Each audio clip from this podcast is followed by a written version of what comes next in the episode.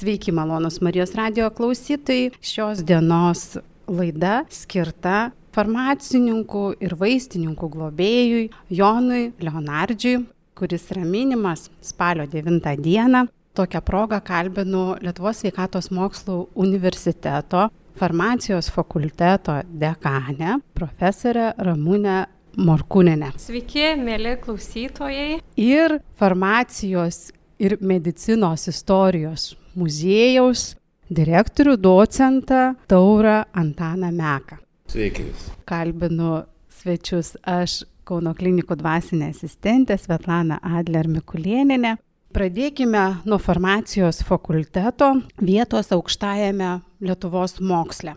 Dekanė, prašau. Dėkuoju. Farmacijos fakultetas yra akademinis padalinys, kuris vykdo du pagrindinius uždavinius - rengia aukštos kvalifikacijos farmacijos specialistus ir vykdo tarptautinio lygio mokslinius tyrimus. Savo tikslams pasiekti fakultetas bendradarbiauja tiek su kitais universitetų padaliniais, taip pat su Lietuvos universitetais, su užsienio universitetais ir ne tik, taip pat vyksta glaudus bendradarbiavimas su sveikatos priežiūros organizacijomis, tiek valstybinėmis, tiek nevalstybinėmis, su profesinėmis farmacijos organizacijomis, verslu ir fiziniais asmenimis. Pats žodis farmacija, jisai reiškia visas žinias apie vaistus, pradedant nuo vaistingųjų medžiagų, gavybos, paruošimo, toliau naujų vaistų formų, išgavimo, kontrolės laikymo, pardavimo klientui. Na ir natūralu, kad dirbti farmacijos srityje reikalinga turėti daug žinių. Todėl farmacijos programa, ji yra ypatinga ir apjungia fundamentinius mokslus, pradedant nuo supratimo apie žmogaus sandarą, fiziologiją, apie biologiją, botaniką, toliau pereinant prie dalykų, kurie svarbus suprantant, kaip vaistai yra gaminami, kaip jie veikia mūsų organizmą, kaip jie susiję su lygų valdymu. Jeigu pasižiūrėti istoriškai, farmacijos studijų programa ankstesniais laikais buvo labiau orientuota chemijos mokslų pagrindu, dabar jinai labai stipriai pakreipta į klinikinių dalykų pusę ir labai džiaugiamės, kad programa yra pasipildžiusi tokiais dalykais kaip vidaus lygos, kaip lygų valdymas, imunologija, biologiniai vaistai Farmacija kaip studijų kryptis, jinai priskirta sveikatos mokslų krypčių grupiai kartu su kitomis sveikatos studijų kryptimis, kaip medicina, odontologija, slauga ir ekošerija. Taigi farmacija yra neatskiriama sveikatos mokslų dalis, na, o kalbant apie žmogų, tai yra viena iš sričių tam, kad žmogus gyventų visavertį gyvenimą, būtų sveikas ir būtų laimingas. Dėkoju. Praėję visas tas studijas mes įpratę suprasti, kad absolventai turėtų tapti vaistininkais. Ar yra kitos galimybės, tai gal gali truputėlį plačiau mums papasakoti? Iš tiesų, po studijų baigimo Mūsų absolventai gauna dvigubą diplomą. Tai yra sveikatos mokslų magistro laipsnis ir vaistininko profesinė kvalifikacija.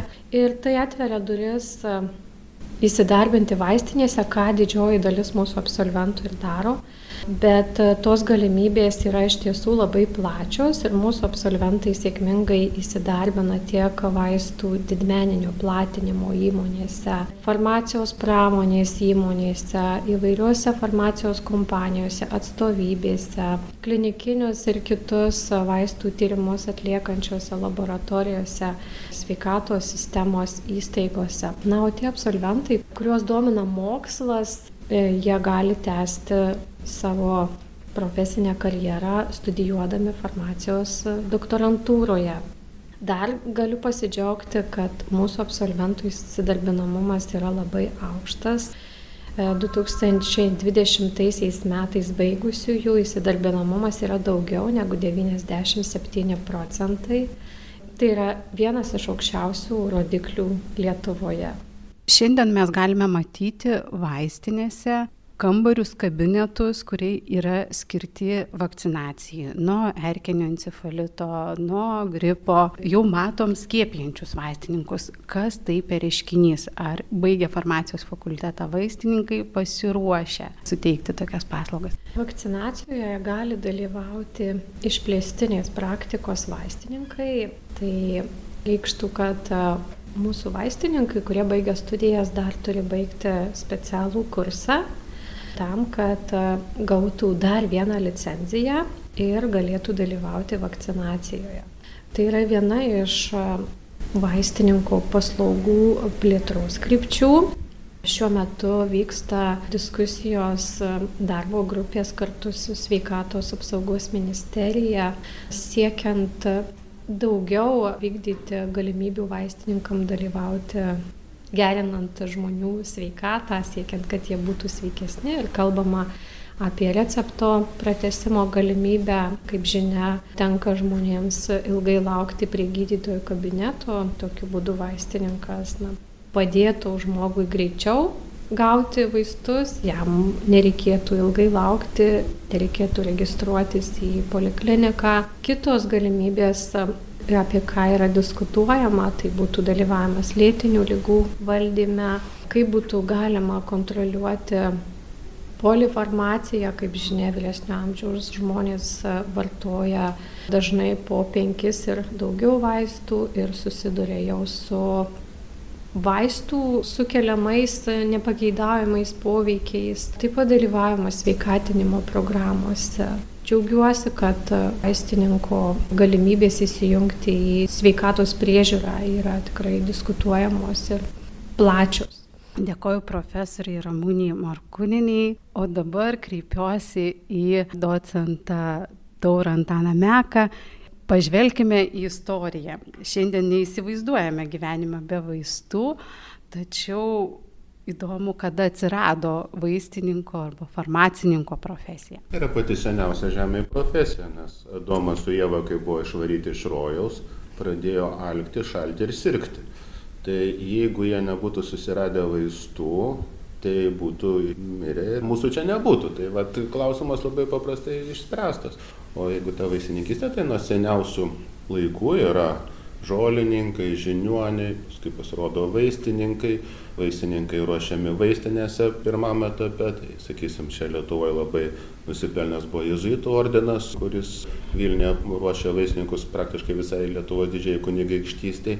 Ir kas įdomu, kad tai ne tik buvo broliai ruošiami, bet buvo ir pasauliečiai. Ir pasaulietis, kuris nebuvo laisvas žmogus, tai priklausė kažkokiam didikui, paruošus į vaisininkų tapdavo laisvu, tai ordinas jį išlaisvindavo, tai irgi toks įdomus dalykas. O paskui yra jau Vilniaus universiteto užuomasgos, atvyksta Giuseppe Sartorius iš Italijos ir pradeda skaityti farmacijos paskaitas ir atsiranda tas farmacinis universitetinis mokslas.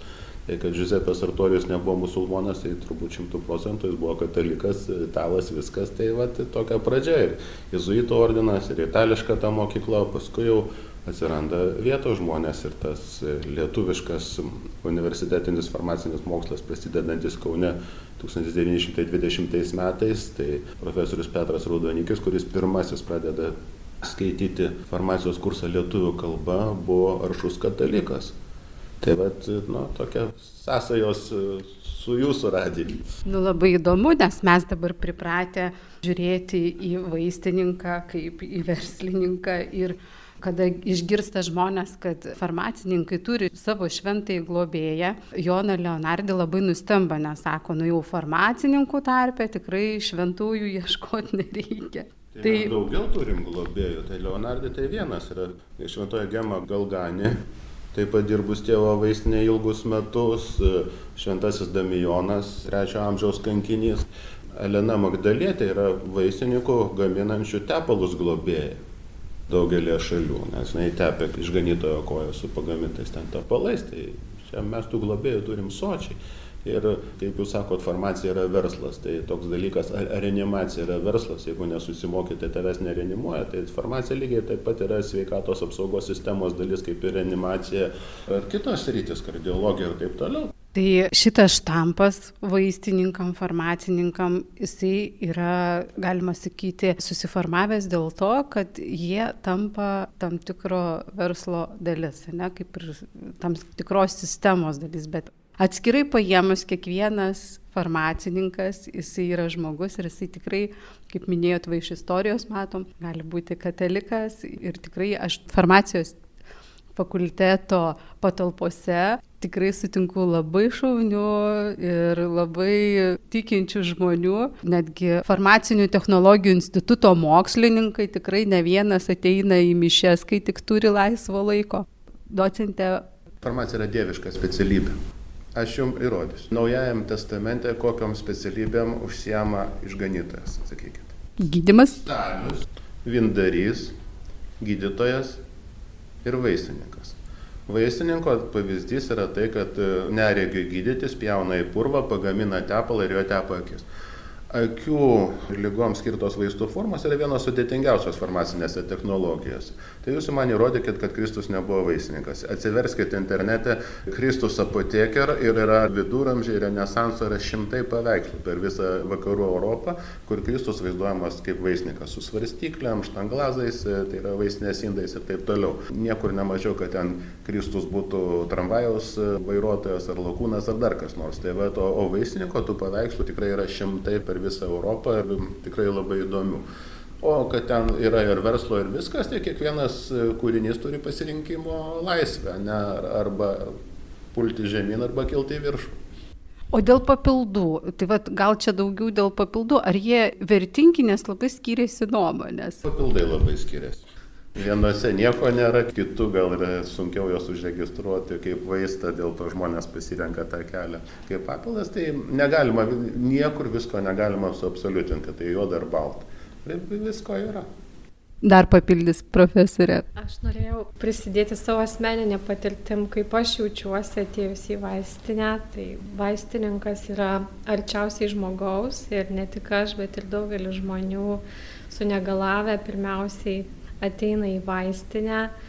Ir aš turiu kelias mano mylimus vaistininkus, kurių konsultacija ne tik apie vaistą, bet ir patarimai šypsena tikrai nuramina ir aš neretai pagalvoju, kad štai vaistininkas kaip Dievo siūstas angelas man šiandien pagerino nuotaiką, aš išėjau iš vaistinės laiminga. Iš tiesų yra padaryta net moksliniai tyrimai, kad e, balta spalva ir tvarka žmogui suteikia nusiraminimo jausmą, o jeigu dar vaistininkas suteikia pagalbą, išduodamas vaistus ir nusišypso, tai žmogui neretai užtenka ir toliau jau gydytojo konsultacija net ne visada būna reikalinga. Dėkoju Jums už tokias išvalgas, o dabar truputėlį atsikvėpsime, pasiklausykime muzikos, o po muzikinės pertraukėlės mes toliau tęsime laidą.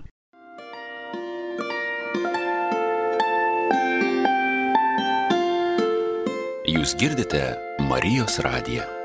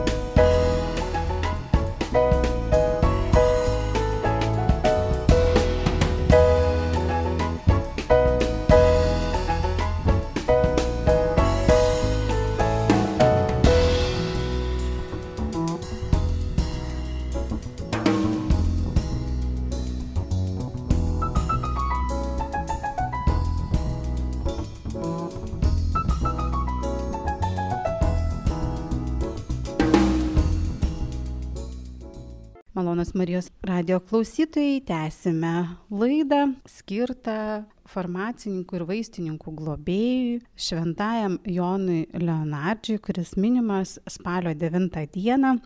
Ir laidoje dalyvauja farmacijos fakulteto, Lietuvos sveikatos mokslo universiteto dekanė profesorė Ramūnė Morkūnenė ir farmacijos ir medicinos istorijos muziejaus direktorius, docentas Tauras Antanas Mekas. Apžvelgiam farmacijos fakulteto svarbą aukštajam moksle, taip pat pasižiūrėjom į istorinius šaltinius ir toliau kalbinu svečius aš Kauno klinikų dvasinė asistentė Svetlana Adler Mikulieninė klausimas apie farmacijos fakulteto tyrimus, mokslą.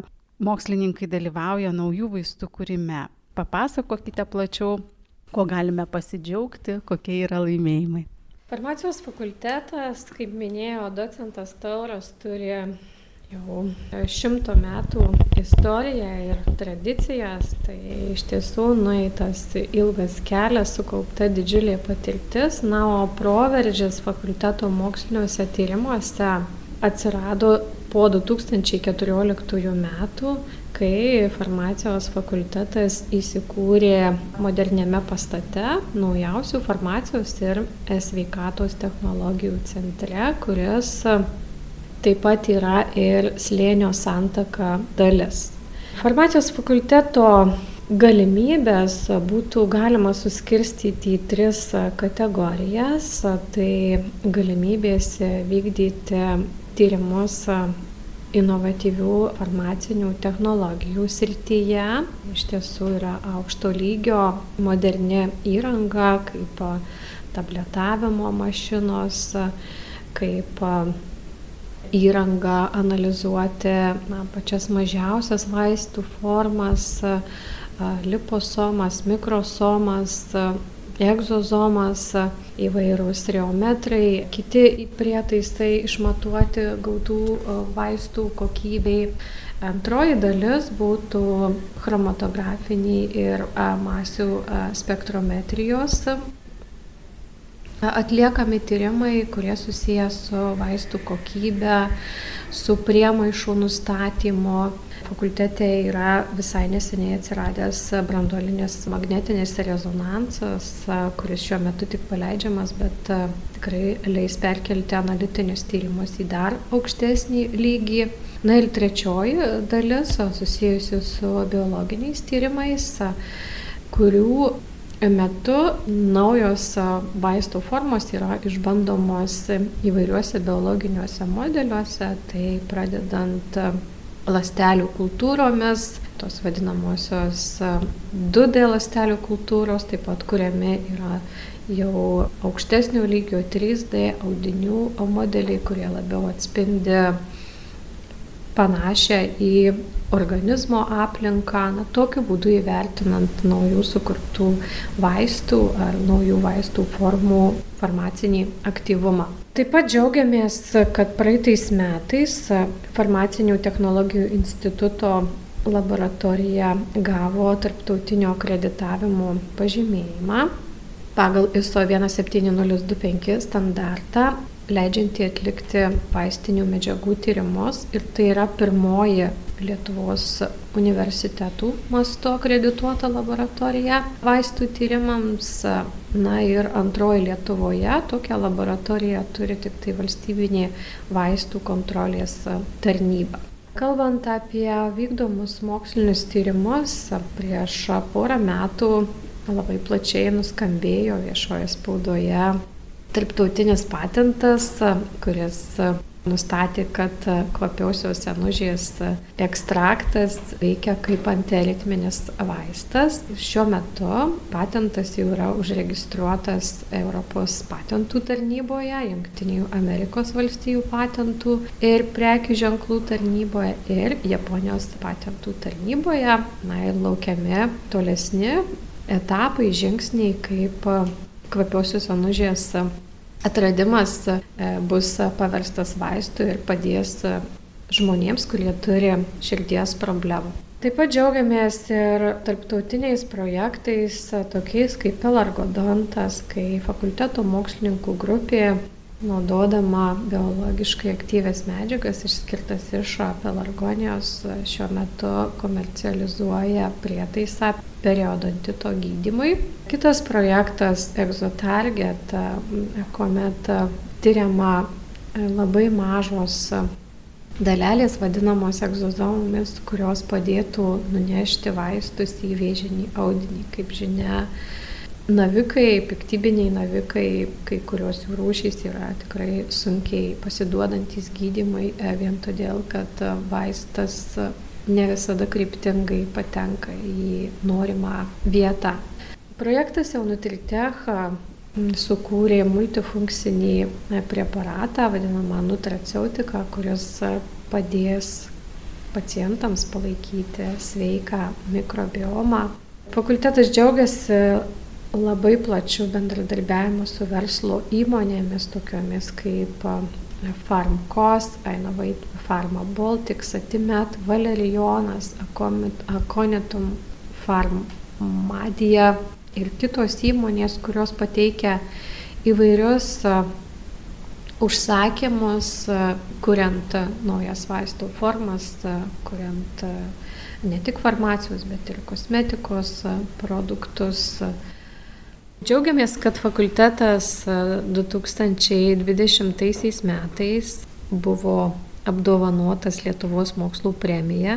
Tai yra lietuviškas Nobelis ir premija buvo apdovanota profesorė Jurga Bernatonienė už darbų ciklą inovatyvūs farmacijos produktai, veikliųjų junginių paieška, technologinis funkcionalizavimas ir praktinis taikymas. Profesorės Jurgos Bernatonienės mokslinės grupės atliekami tyrimai, jie yra pačio aukščiausio tarptautinio lygio Ir premija, kaip lietuviškas Nobelis, yra tikrai didžiulė garbė farmacijos fakultetui. Farmacijos fakulteto mokslininkai, bendradarbiaujant su verslininkais, kuriant sveikus ir inovatyvius produktus, sulaukė svaraus pripažinimo.